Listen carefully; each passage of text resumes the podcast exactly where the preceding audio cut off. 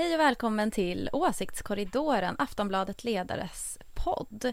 Idag kommer ni höra när vi tippar valresultatet, det vill ni inte missa. Och så pratar vi förstås om Ebba Buschs falukorv och gosedjursgris och så pratar vi energikrisen och vad som egentligen kommer hända efter valet. En podcast från Aftonbladet Ledare. Åsiktskorridoren.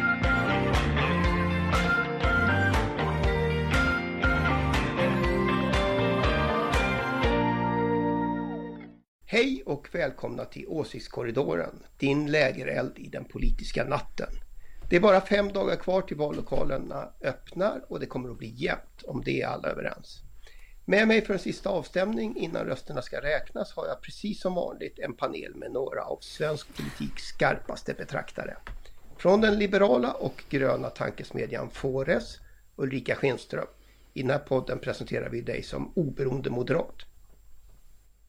Ja, hej, här är jag. Ja. Anders håller på att visa massa bilder här samtidigt. Jag förstår. Det är, och det är så, vi kommer tillbaka till det. Jag kan inte göra så mycket åt Anders eh, excesser just idag. Nej, Från för du är nämligen inte här.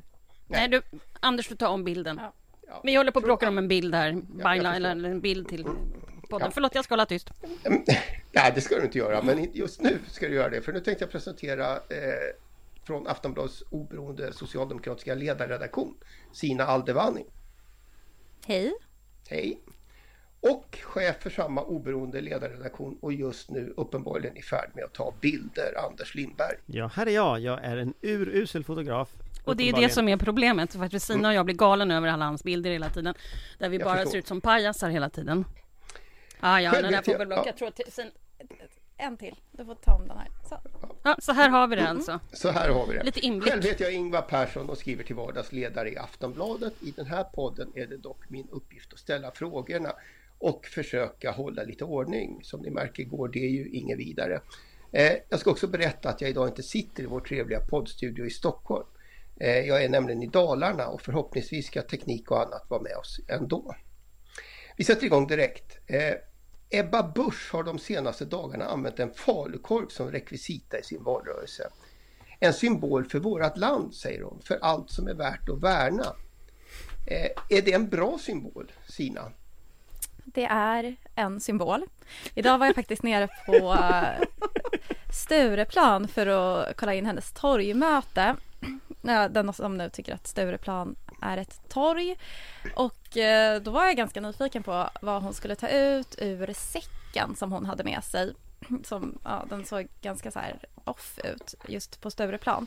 Eh, men det började faktiskt med att hon tar fram en rosa gosedjursgris. Och så säger hon att den här grisen eh, jag minns faktiskt inte vad hon tyckte att den symboliserade. Någonting med grisen i säcken och Magdalena Andersson. Och sen så stod jag kvar, lyssnade på när hon pratade på om olika saker. Och så tänkte jag, alltså hon kan ju inte ta fram falukorven för det här crowdet. Det är liksom massa IT-konsulter, det är PR-folk. Eh, vad bryr de sig om en falukorv? Men sen så tar hon fram falukorven ur den här säcken och viftar med den. Och jag försökte se om det är en riktig falukorv. Men jag kom liksom inte riktigt så nära. Det skulle kunna vara en falukorv och då är frågan, är det samma falukorv hon använder hela tiden? Och i så fall luktar den falukorven illa i kampanjbussen? Alltså jag vet inte, jag har så många frågor. Eh, Ja. Och så glömmer man ju bort vad hon egentligen försöker säga. Hon attackerade också Alex Schulman med falukorven också av någon anledning. Men alltså, ja. Det får mig att tänka på när Olle Svenning slog eh, Mauricio Rojas med flortunn lemon. Eh, lite annan klass kanske. Eh, Ulrika, Mm. vad säger du? Är, är falukorven en symbol för vårt land? Jag, jag är så bekymrad nu över att vi på allvar sitter och pratar om den här falukorven. Alltså det är så förnedrande mot väljarna som ser en eventuell ekonomisk kris framför sig och elpriser som eh, bara blir allt högre och, och vi har krig i Europa och partiledare i svensk valrörelse i spurten springer omkring med falukorvar. Jag skulle förorda att eh, de funderade lite mer på eh, hur man löser problemen eh, och vilka problem man ska lösa i vilken ordning. Eh, och då, när man har berättat det för väljarna, vad man får eh, när de eventuellt vinner, eller ja, kommer in i regeringskansliet, då kan kanske en falukorv vara lite rolig ifall man också får veta vad man röstar på. Och inte bara vems fel allting är, utan jag tycker ju att eh, en politiker ska vara för saker, inte emot. Och jag tycker att man ska presentera lösningar istället för att anklaga varandra för en massa saker. Så att jag, jag, kan, jag kan ju, som ni vet, är jag ju en väldigt lätt, lättskrattad person, men jag blir också väldigt sorgsen över nivån just nu. Det är lite Ian och Bert kan man tänka. Ja, kanske. Jag vet inte. Ja. Jag hängde inte med vad det Ian och Bert sa. Ja, okay. ja. Eh, Anders, eh, det har ju förekommit sådana här liksom, attiraljer i i valrörelsen tidigare. Till exempel hade ju Fridolin med sig en kolbit. Eh, det kommer vi ihåg. Kommer vi komma ihåg eh, Ebba Busch falukorv också? Det tror jag. Alltså de där sakerna är ju minnes, eh, minnestrick egentligen.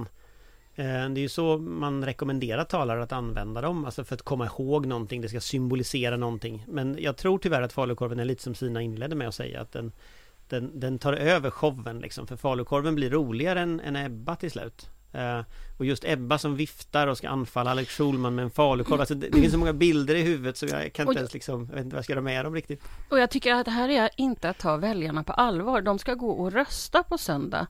De vill ju veta vad de här partierna vill för någonting. Inte vems eventuella fel genom en falukorv. Du tänker reformer och sånt? Ja, hur länge har jag sagt det? Ja, så länge jag kan komma ihåg. Ja, ja jag är i alla fall extremt konsekvent. Det får man säga. Ja, eh, vi kanske inte kommer längre med den här falukorven. Sina, har du något annat att berätta om det här torgmötet? Eh, ja, jag vet faktiskt inte. Hon hade också någon typ av eh, referens till en GT som är den här gin och tonic, den här drinken. Och med det skulle hon försöka förklara eh, ener, eller biobränsle och diesel på något sätt. Och jag vet faktiskt inte eh, hur, om, hur mycket som gick in där. Men det Men, kanske var lite mer målgruppsanpassat? Ja, ja absolut, för vi hade ju Sturehof precis i bakgrunden så det passade väl bra. Jag tror att många kanske köpte den liknelsen mer. Mm. Men det var många sådana symboler. Ja, Ja, nej, vi, som sagt, vi får, eh, vi får avvakta och se vad väljarna tycker om falukorv och gin och tonic och annat. Rosa grisar, det var mycket där. Eh. Grisen hade ett namn förresten. Jaha. Eh, ja, hon kallade den för någonting med Magdalena Andersson, Märta, Doddad, Gostar, Per Bol. Ja, det var en rosa gris i alla fall som hade alla namn på partiledarna eh, på motsatt eh, sida. Löv tror jag också var med. Det var ett långt namn på en gosedjursgris. Det får man säga. Jag det hoppas brukar att man väl vilja ha. barns. Nej, svårt för dem att lära sig allt det där. Ja, eh, jag tänkte vi skulle prata om en lite ovanlig debattartikel i Dagens Nyheter också. Eh, tillsammans med Stefan Löfven skrev den tidigare folkpartiledaren Bengt Westerberg att Sverigedemokraterna är ett hot mot demokratin. Eh, Westerberg har ju dessutom sagt att han tänker rösta på Centerpartiet i årets val. Hur demoraliserande är det när en tidigare partiledare väljer ett annat parti? Ulrika? Nej men eh, det, det är väl bara ett eh, symptom på just den stora frågan som eh, borgerligheten och den liberala delen av svensk inrikespolitik eh, har bråkat om länge och det är ju att ta stöd av Sverigedemokraterna eller inte. Och eh, när då Liberalerna eh, helt plötsligt dessutom är positiva till Sverigedemokraterna, inte ens bara pratar om sina röda linjer, så är det klart att eh, har man inte ändrat sig utan är kvar där man alltid har varit som liberal, då, då kanske det blir så att man hoppar av till slut.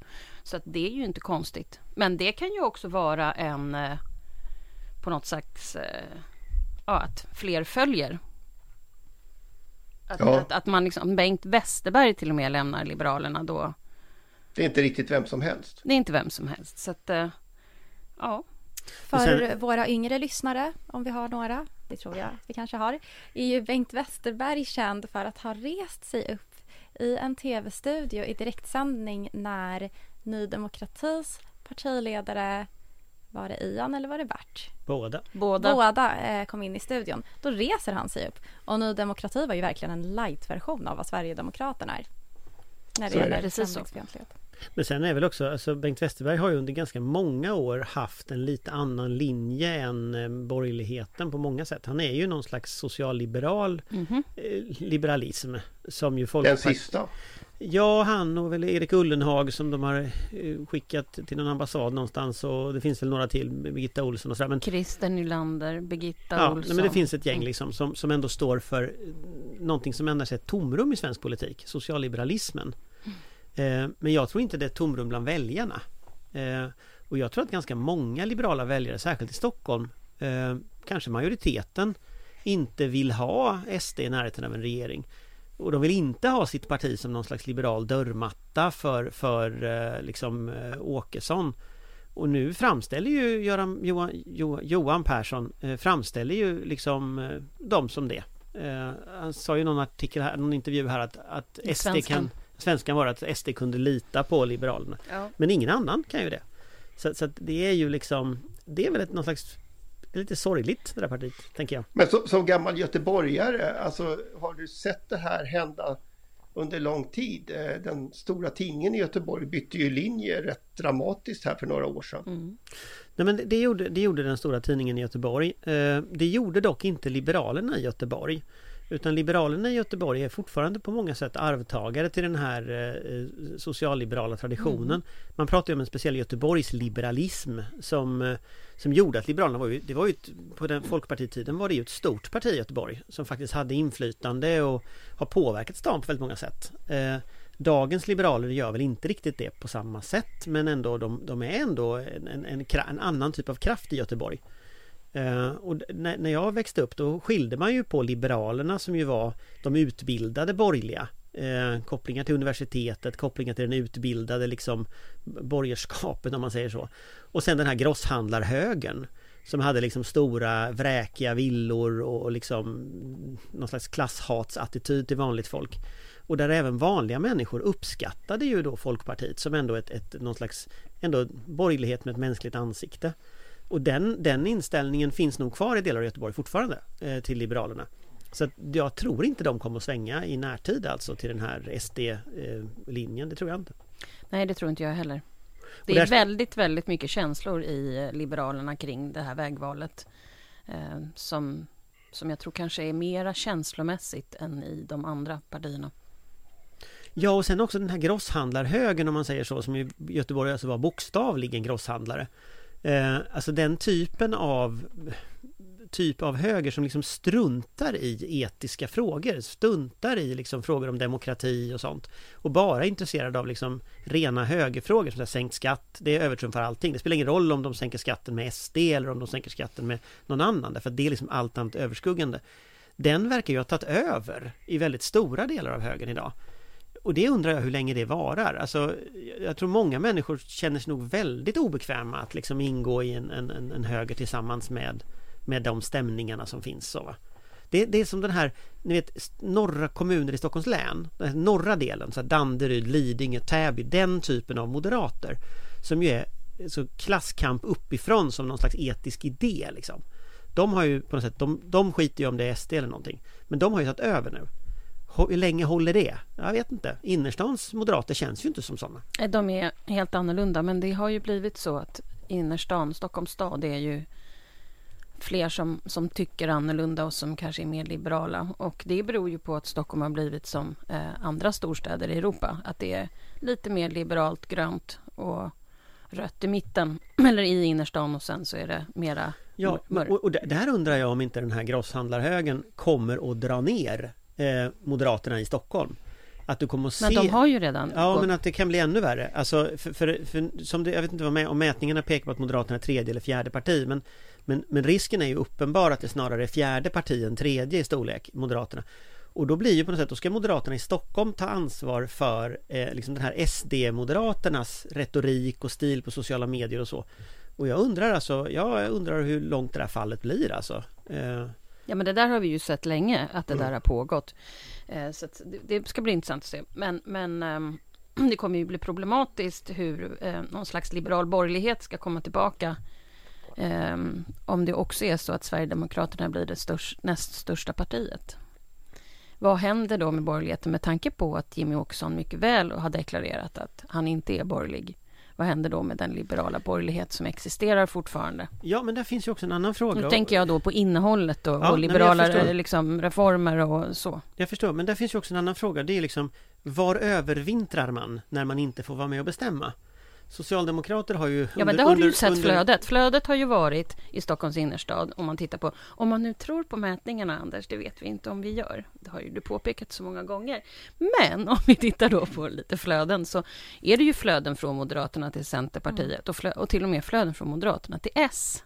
Men jag tänker på vad Och aktivisterna... vad ska ni göra med dem förresten, Ja, de här elitsossarna? Men, Herregud! men, men, men jag funderar på vad flödet av de aktiva går. För att, för att när socialdemokrater förlorar val, då går ofta de aktiva tillbaka till fackföreningsrörelsen, till liksom fasta anställningar på olika ställen. Man, man, många går till PR-byråer på senare år.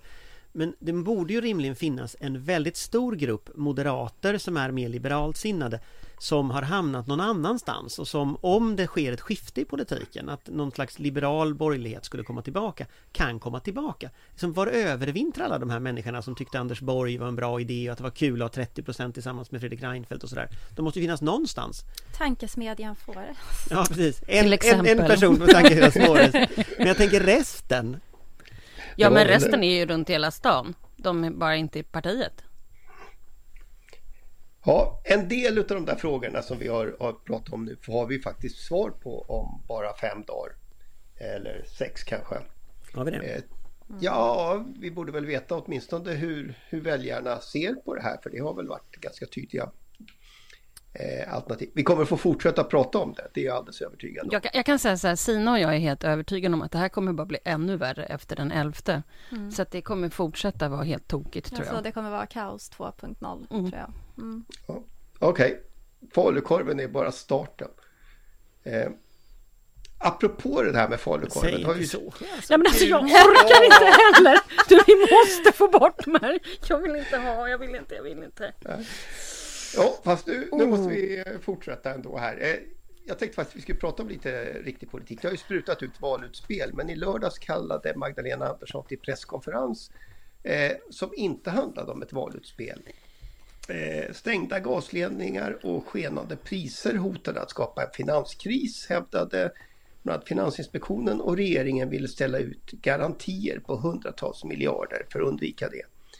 Och igår fattade en snabbinkallad riksdag ett enigt beslut om att godkänna regeringens plan. Det här blev ju inget bråk, men kan det påverka valrörelsen ändå, Anders?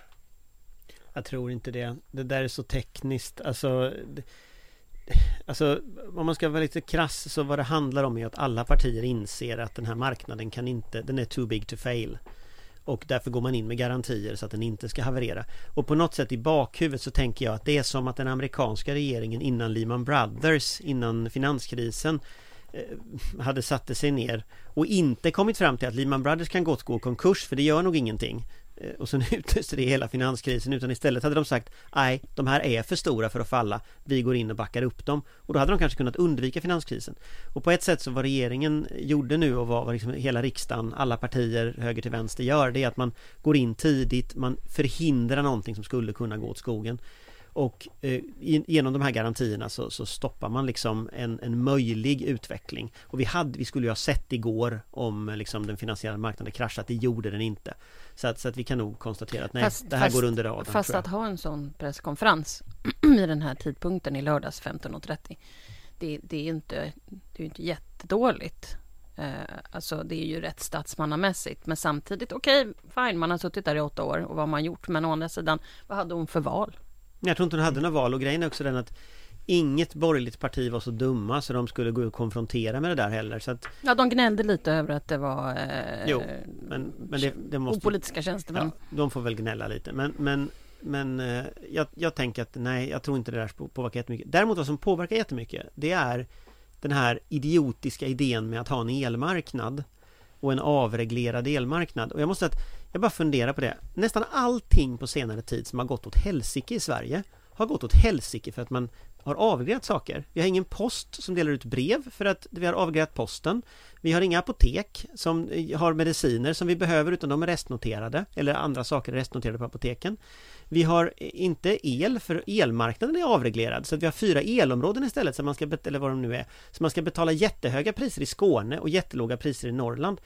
Alltså vi, vi har ingen järnväg som går i tid för att vi har avreglerat dem också. Så att någonstans så borde man kanske gå tillbaka. Och i totalförsvaret har vi avreglerat. Medicin, när pandemin kom hade vi avreglerat det också. Så att man kanske skulle gå tillbaka till att ställa frågan Var det där så jäkla smart? Vi kanske skulle börja återreglera de här olika strukturerna som, som vi har. Och då kan vi börja med elsystemet att liksom Man måste ha el till låga priser i hela landet. Det var ju som en idé vi hade. Och, och så hör man sossar då, ska jag svara. Och då hänvisar de till marknaden som lösning. Alltså jag får knottror när sossar börjar prata om att marknaden löser saker. Marknaden löser ju ingenting, det har vi ju sett. Eh, liksom. man, får, man får väl säga att gängkonflikterna kan du inte skylla på avreglering det är riktigt. Eh, jag kan säkert hitta något sätt att skylla dem på det. Men det är naturligtvis riktigt att det finns problem som inte kan skyllas på det. Vädret, eh, man kan väl säga klimatfrågan kan inte heller skyllas på det. Men just de här systemen som vi hade i Sverige som faktiskt fungerade. Vi hade en post som delade ut i hela landet. Vi hade faktiskt elektricitet som var billig överallt. Vi hade tåg som faktiskt fungerade och så vidare. Vi hade apotek som hade allting i hela landet. Och nu har vi inte det för vi har avreglerat det. Man kan skälla på varandra om de olika delarna i det här, absolut. Men man kanske också skulle gå till liksom roten. Var det så smart att ha avreglerad elmarknaden? Var det så smart att ha de här elprisområdena överhuvudtaget? Det är ingen som tänker svara på det. Nej, nej, alltså så här. Jag skulle kunna svara och då skulle vi kunna sitta och prata om det i resten av podden. Och det tror jag inte någon lyssnare orkar höra. För att då blir det så här att vi slänger eh, ägg i ansiktet på varandra från 90-talet. Jag, jag tror att det är inte här och nu. Nej, okej. Okay. Eh, inga hänvisningar till talepunkter eh, just i det här fallet. Nej, verkligen inte. Eh, Nej, det är ingen hörni. som tycker som jag. Alltså det är ingen som ens vågar säga Anders, detta. jag orkar inte höra mer nu. Jag vet det, men det är helt uppenbart att om man avreglerar elmarknaden och sen slutar den fungera, man kanske skulle fundera på orsakerna också. Ingvar, gör något. Ja, men jag sitter ju i Dalarna. Hörni, eh, apropå det. Innan eh, podden här så stötte jag ihop med Ludvikas två kommunalråd. Den ena är socialdemokrat och den andra är moderat och de var på väg för att äta lunch tillsammans. Eh, och då slog det mig att det tycks ha smugit in en ny tanke i valrörelsen. Det är liksom inte riktigt bara Annie Lööf som talar om en bred regering där i praktiken då det handlar om socialdemokrater och moderater vid samma bord. Är det överhuvudtaget realistiskt på riksplanet, Sina? Nej, det ser ju absolut inte särskilt realistiskt ut nu.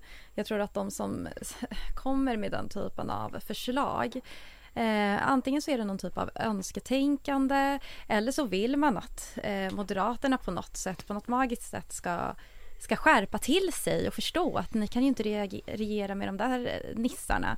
Typ ta ansvar. Men ska de ta det ansvaret då kommer de ju radera ut hela den här eh, hela det här, alltså hur det, hela det här valet har varit uppbyggt, nämligen på att det är Magdalena Andersson mot Ulf Kristersson. Um, så det som, som det ser ut nu så tror jag verkligen inte att det är realistiskt. Är det din uppfattning också eh, Ulrika? Nej, men alltså Ev, kommer vi in i ett jättekomplicerat läge eh, så kanske det kommer att krävas eh, att man gör det. Um, om vi hamnar i en kris. Så Men tror att, du eh, att Ulf tror... Kristersson skulle ge det? Att bara så här, okej okay, Magdalena, Nej, jag du tror, får styra jag, det här jag landet. Tror, jag tror att den, den partilinje som är just nu, den kan ju å andra sidan beroende på hur valutgången blir, bli en annan efteråt. Så att det här är ju kanske inte nu, men Ja, du menar att man kastar iväg Ulf Kristersson ja, och så får någon mer pragmatisk men, person men, ta över? Men eftersom den här linjen då kanske inte har gällt, och då vet vi ju hur det blir i partier efter ett val, att man kanske ändrar linjen. Det vet man ju inte. Men skulle det vara bra med en sån regering? Alltså, jag tror att det kanske skulle vara bra i kristider, men eh, jag tror att det skulle gynna SD jättemycket. För då blir ju etablissemanget S och M. Mm. Och då kan ju SD växa väldigt mycket mer. Jag, jag, jag tror inte det vore bra överhuvudtaget. Eh, liksom. Jag tror att man kortsluter höger-vänster-konflikten som handlar om fördelning skatter, ekonomi, välfärd som är liksom grundkonflikterna i samhället. Och så skulle hela konflikten handla om kulturkrig. Och jag tror det vore dåligt. Men sen är Moderaterna sitter i ett intressant läge för de kan vinna valet men förlora sitt eget parti. Och, och jag menar, Reinfeldt hade 30 procent som mest. Kristersson ser ut att kunna hamna på 15, halva resultatet som Reinfeldt hade och samtidigt bli statsminister. Och det är klart att det kommer ju att skapa en, en hem, enorma konvulsioner överallt i det politiska systemet och det faktum att SD kan bli näst störst Skulle Magdalena Andersson vinna det här så blir ju SD oppositionsledare det är de som får tala som nummer två Nej men det är de någon- som får tala som nummer två i riksdagen Det är de som får vara liksom i den Ja. symboliken så att, Sitter andrakammarsalen och Mynttorget 1. Nej, och- första Nej, första kammarsalen. förlåt. Jag, så, Andra man Det är klart att jag- andra som sitter ja, jag vet, jag vet. Jag vet inte varför det slantar. Nej, slantar. Men, eh, nej, men alltså, så att, så att, Moderaterna kommer ju att hamna i ett sånt knepigt läge. Klarar Ulf Kristersson att sitta kvar? Alltså, så länge han är statsminister, absolut. Men ja, det kommer att vara knepigt. Alltså, och vid någon tanke där, då kommer folk att väcka den här frågan. Ja, ah, men ska inte sossarna och Moderaterna? Och tänker vi att det blir som förra gången, om vi går tillbaka till regeringen Bildt. Och, och regeringen Bildt tog ju över i lite ett liknande läge va? Ekonomin är på väg utåt, man har lovat hur mycket som helst som inte går att finansiera. Ekonomin i Bildts regeringsunderlag gick inte ihop överhuvudtaget. Det gör det inte i Kristerssons heller. Så risken är ganska stor att vi i höst kommer att snacka om nedskärningar, eh, katastrof och kris. Det löste Bildt genom att sätta sig ner med Ingvar Carlsson. Så risken är ju ganska stor att vi om ett par år sitter där med att sossarna och, och moderaterna måste reda upp ekonomin därför att den har brakat ihop liksom Ja, men det är det den här lågkonjunkturen. Men om, man ska pra- men om man ska gå tillbaka till den här idén, om det skulle vara så att Socialdemokraterna och Moderaterna skulle i någon liksom, parallell värld regera tillsammans, då tror jag att man kan ju redan se hur det gick när Socialdemokraterna blev bakbundna med januariavtalet. Och det var ju knappast lyckat för just Socialdemokraterna. Eh, och att då sätta ihop dem med Moderaterna, det tror jag bäddar för en katastrof eh, på längre sikt. Fast eh, om jag förstår Ulrika och Anders rätt så pratar ni om 500 ränta och lite så. Ja, vi pratar om det i kris. Ja, och sen tror jag en annan sak också kan inträffa här som vi inte... Alltså man brukar ju säga att det blir inte samlingsregering i Sverige förrän det är krig. Eh, Det är krig i Europa. Och vi sitter liksom i en situation där säkerhetspolitiken, det är tråkigt att påminna om det, men den är väldigt osäker. Den är så extremt osäker just nu. Så vi har faktiskt ingen aning om vad galningen i Kreml ställer Nej, men till det är med. ju det här jag hänvisar till Så när att jag liksom- säger. Det är ju därför. Jo, men det är inte bara 500% ränta. Du har Nej, klimatförändringarna, du men har det liksom... sa jag ju förut. Absolut. Vi behöver men inte du... bråka om det här. Jag bråkar inte. Jag Nej. bara säger det. Men du kommer att ha ett antal andra parametrar som gör det här liksom, att det kan hända. Många Ja, det fler här, än förra det här gången. blev för deppigt. Kan vi ta Ja, nästa nu fråga? tar vi nästa fråga. Ja, då, då gör vi det. Eh, och eftersom jag faktiskt utlovade eh, redan i förra podden att panelen skulle tippa resultatet på söndag så vill jag ha det tipset.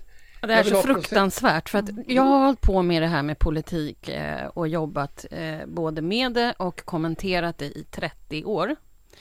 Och jag känner att den här valrörelsen är den första där jag känner att jag som tävlar i den här vad var det jag sa tävlingen har svårt att landa faktiskt eh, exakt vad jag tror. Ja, För det är så extremt jämnt. ja, men jag vill ändå ha procenttal för respektive block. Varför och, ska alltid jag börja? eh, det har vi inte sagt. Nej, bra. Eh, och sen vill jag dessutom bara att ni räknar med partier som klarar spärren. Så där finns en sån slamkrypare. Eh, så hur går det? Sina, du får börja. Eh, alla kommer klara spärren. Det blir 48-52. Gud, till- så obehagligt. Till till- vem då? Jaha, Till jag- vem? Det, det, det vet jag väl inte. Nej, Nej. men eh, så är det med Men det tips. blir väldigt nära. Men du Men- måste ju vem- säga till Men vem. Vem? gud, okej. ehm, Magdalena Anderssons eh, block. Får 52 procent. Ja. Ja, Vet ni att jag har alltså skrivit ner här. ja, då får vi höra. Magdas lag 52. Ulfs lag 48. Vad skojar du? Exakt Nej. som jag. Nej, jag skojar inte. Det är något fel. Alltså Ja. om vi får rätt. Då du. Alltså då köper du champagnen. Om du jag har så så mycket jag att champagne köpa sen jag fyllde champagne. 50 Ja, så du vet, det är bara... Ja. Ja, det, det. Jag, jag är inte riktigt lika eh, där. Jag är, jag är lite på, eh, jag tänkte inte i block utan jag tänkte i riksdagsmandat eftersom det är riksdagsmandat som röstar. Eh, så tänker jag 175-174 till Magda. Eh, men jag tänker att det kommer att innehålla ett antal osäkerhetsfaktorer. Eh, de där, eh, de där eh, Kristerssonska siffrorna. Så även om det skulle bli 175 till Kristersson så skulle han få svårt att bilda regering för att det finns ett antal liberaler som inte kommer att vara lojala med partilinjen. Och det gör att en röst på Liberalerna i det här valet är också en röst på de där extra människorna som kan ställa till med oreda. För så har det varit i varenda votering förra vändan. Att det var någon liberal som hoppade över gränsen. Och jag tror det kommer bli så nästa gång också. Men, men så alltså, 175-174 tror jag. ja, Till om vi då Christer översätter Magda. Till Till Magdalena Magda, Andersson. okej. Men jag skulle säga så här. Jag har från början varit ganska säker på att Kristersson vinner det här. Eh, därför att det är nästan omöjligt att vinna tredje val. Så det har liksom varit min grundförutsägelse i hela valrörelsen. Nu på slutet så ser Kristersson ut att krascha ihop. Eh, och det får konsekvensen att en röst på Liberalerna blir en röst på ett block som SD dominerar helt och hållet. Och jag tror många liberaler kommer att känna att shit, ska jag verkligen rösta på det där? Eller ska jag vänta ett val och kanske rösta på det när inte SD dominerar hela det här blocket eller det finns andra konstellationer? För om Kristersson skulle bilda regering med stöd av SD, då sitter han nog där i några år. Eh, om han skulle få en bredare majoritet. Så jag tänker mig nog att det kan vara så att den här SD-frågan faktiskt tippar över det till Magda. Men i så fall med en rösts marginal eh, i riksdagen tror jag. Jag tror inte det blir mycket mer. Och för att det ska vara rättvist då, så att vi kan översätta det så pratar vi alltså om tiondelar. Eh, 50,2 mot 49. Ja, men det här kommer inte Av de som kommer in, av de Alltså, som det här- kommer in i riksdagen Av de som kommer in i riksdagen så pratar vi att jag tror att det blir 50,01 till Magdas lag. Ja, Nu har vi en men siffra. vilka kommer in i riksdagen? Alla. Alla. Ja, men det tror jag med. Ja, Jag Men tror det kommer att vara så jämnt det kan bli. Och jag saknar den här, kommer ni ihåg den här ekonomiprofessorn som satt i Sveriges eh, television och skulle förklara alla de här eh, Centerpartiets sista mandat som hoppade fram och tillbaka mellan olika kategorier. Jag tror vi, jag tror vi kommer att sakna honom eller så får vi kalla in honom. Det Men- kommer men- att bli Så skitjämnt. får vi kalla in Ja men det kommer bli skitjämnt, jag tror det kommer bli skitjämnt. Till vad? Vad ska vi kalla Till in? vad som helst, denna podd, jag vet inte. Men liksom, jag tror det kommer att bli skitjämnt, tror jag det kommer bli. Det kan, det kan till och med bli så att onsdagsrösterna avgör liksom. ja och då är det ju mer... Det kan till och med bli så att vilken folkpartist som lyckas kryssa in sig avgör. Alltså det, vi snackar om marginaler som är då- men då-. Men då kommer det bli väldigt, väldigt spännande. Men om det blir 52,48 mot 48 till, till liksom eh, de, de rödgrönas förmån så kommer jag att bli jättelycklig och köpa champagne. Ja, ja, ja, men då har vi avgjort vem som köper champagnen. Eh, I så fall. Eh, man ska väl bara säga... Det. Alltså grejen är, jag skulle ju inte fira främst Ostron också! Men jag det är skulle, bara för att du jag vet skulle att inte jag gillar fira främst för att sossarna vinner, snarare för att jag fick rätt. Alltså, det om någonting. Det var väl det, Det- jag menade. Men ja, Ja. det vore ju skönt om de, det Ja. laget vann också. Ja. Jag skulle säga det, jag tror att den där, jag undrar om han verkligen var professor i ekonomi eller i statistik. Eh, eh, och, och problemet där var ju att vårt valsystem, fördelningen av utjämningsmandat är en riktig mardröm. Att, att liksom räkna på jämkade uddatalsmetoden hur man fördelar mandaten, det går ju att begripa. Men när man ska fördela utjämningsmandaten, då blir det en riktig mardröm. Det var ingen som kunde det. Men han Eh. gissar väl fel också, var det inte så? Ja, gång på gång. Ja, hela tiden faktiskt. Han var expert och allting var fel. Fel hela vägen faktiskt.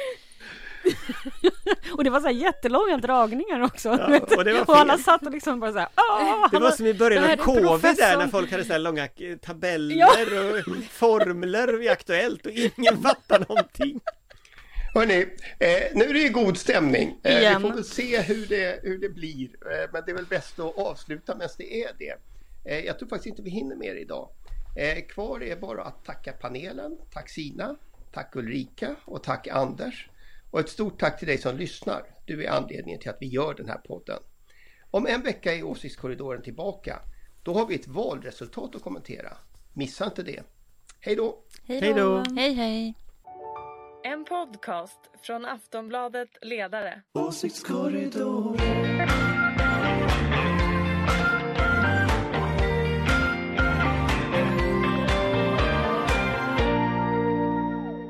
Du har lyssnat på en podcast från Aftonbladet.